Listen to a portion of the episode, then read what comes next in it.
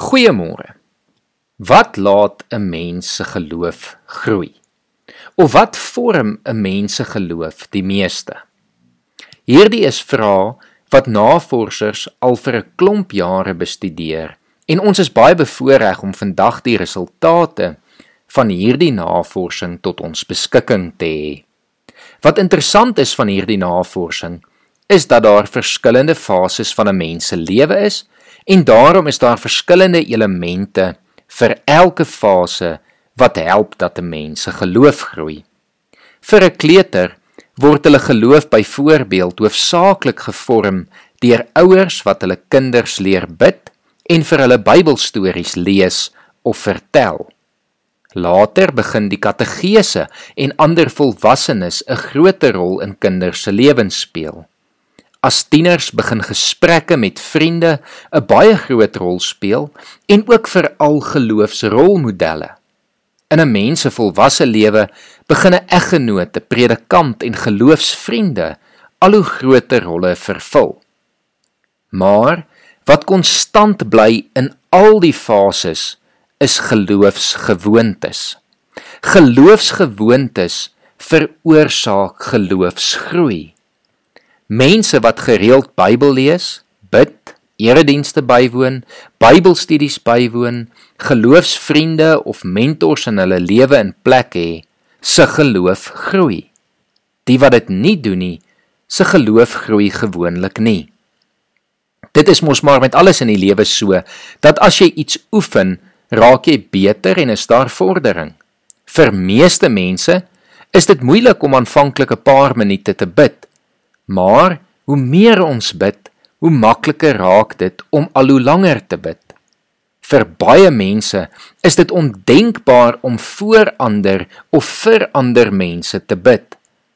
Maar sodra ons dit begin doen en dit inoefen, hoe makliker word dit.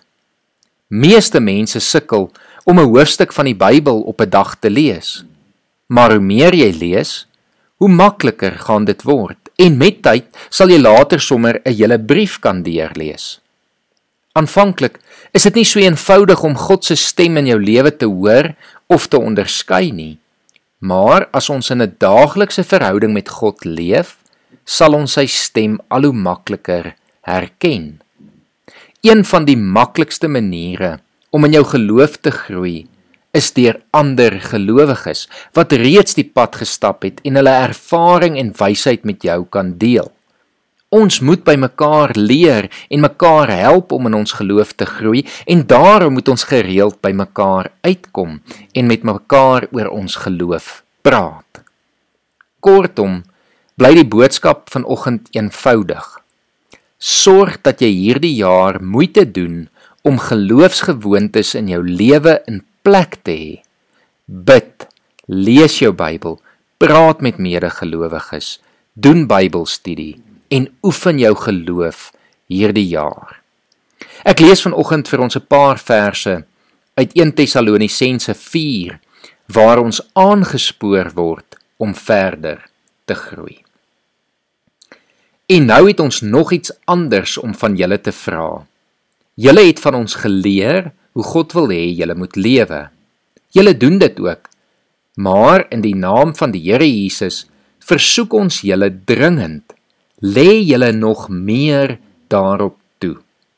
Julle ken die voorskrifte wat ons op gesag van die Here Jesus aan julle oorgedra het. Dit is die wil van God dat julle heilig moet lewe. Oor broederliefde hoef ons nie aan julle te skrywe nie want julle is self deur God geleer om mekaar lief te hê. En dit doen julle dan ook teenoor al die broers in die hele Macedonië. Ons versoek julle egter dringend, lê julle nog meer daarop toe.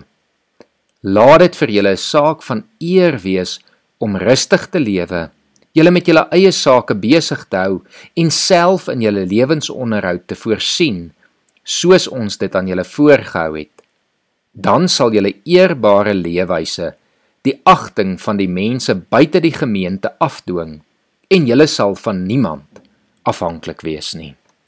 Kom ons bid saam. Here, ons hoor die dringendheid hier in Tessalonisense. En Here, ons wil vanoggend dringend ook aandag gee aan ons geloofsgroei om opnuut weer onsself toe te wy aan 'n leefwyse in verhouding met U, Here. Here, ons wil groei en ons wil al hoe nader aan U beweeg. En Here, ons kom vra dat U ons sal lei deur U Gees om vir ons te wys watter geloofsgewoontes in ons lewens ontbreek en wat ons hierdie jaar moet doen sodat ons kan groei. Ons bid dit in Jesus se naam alleen. Amen.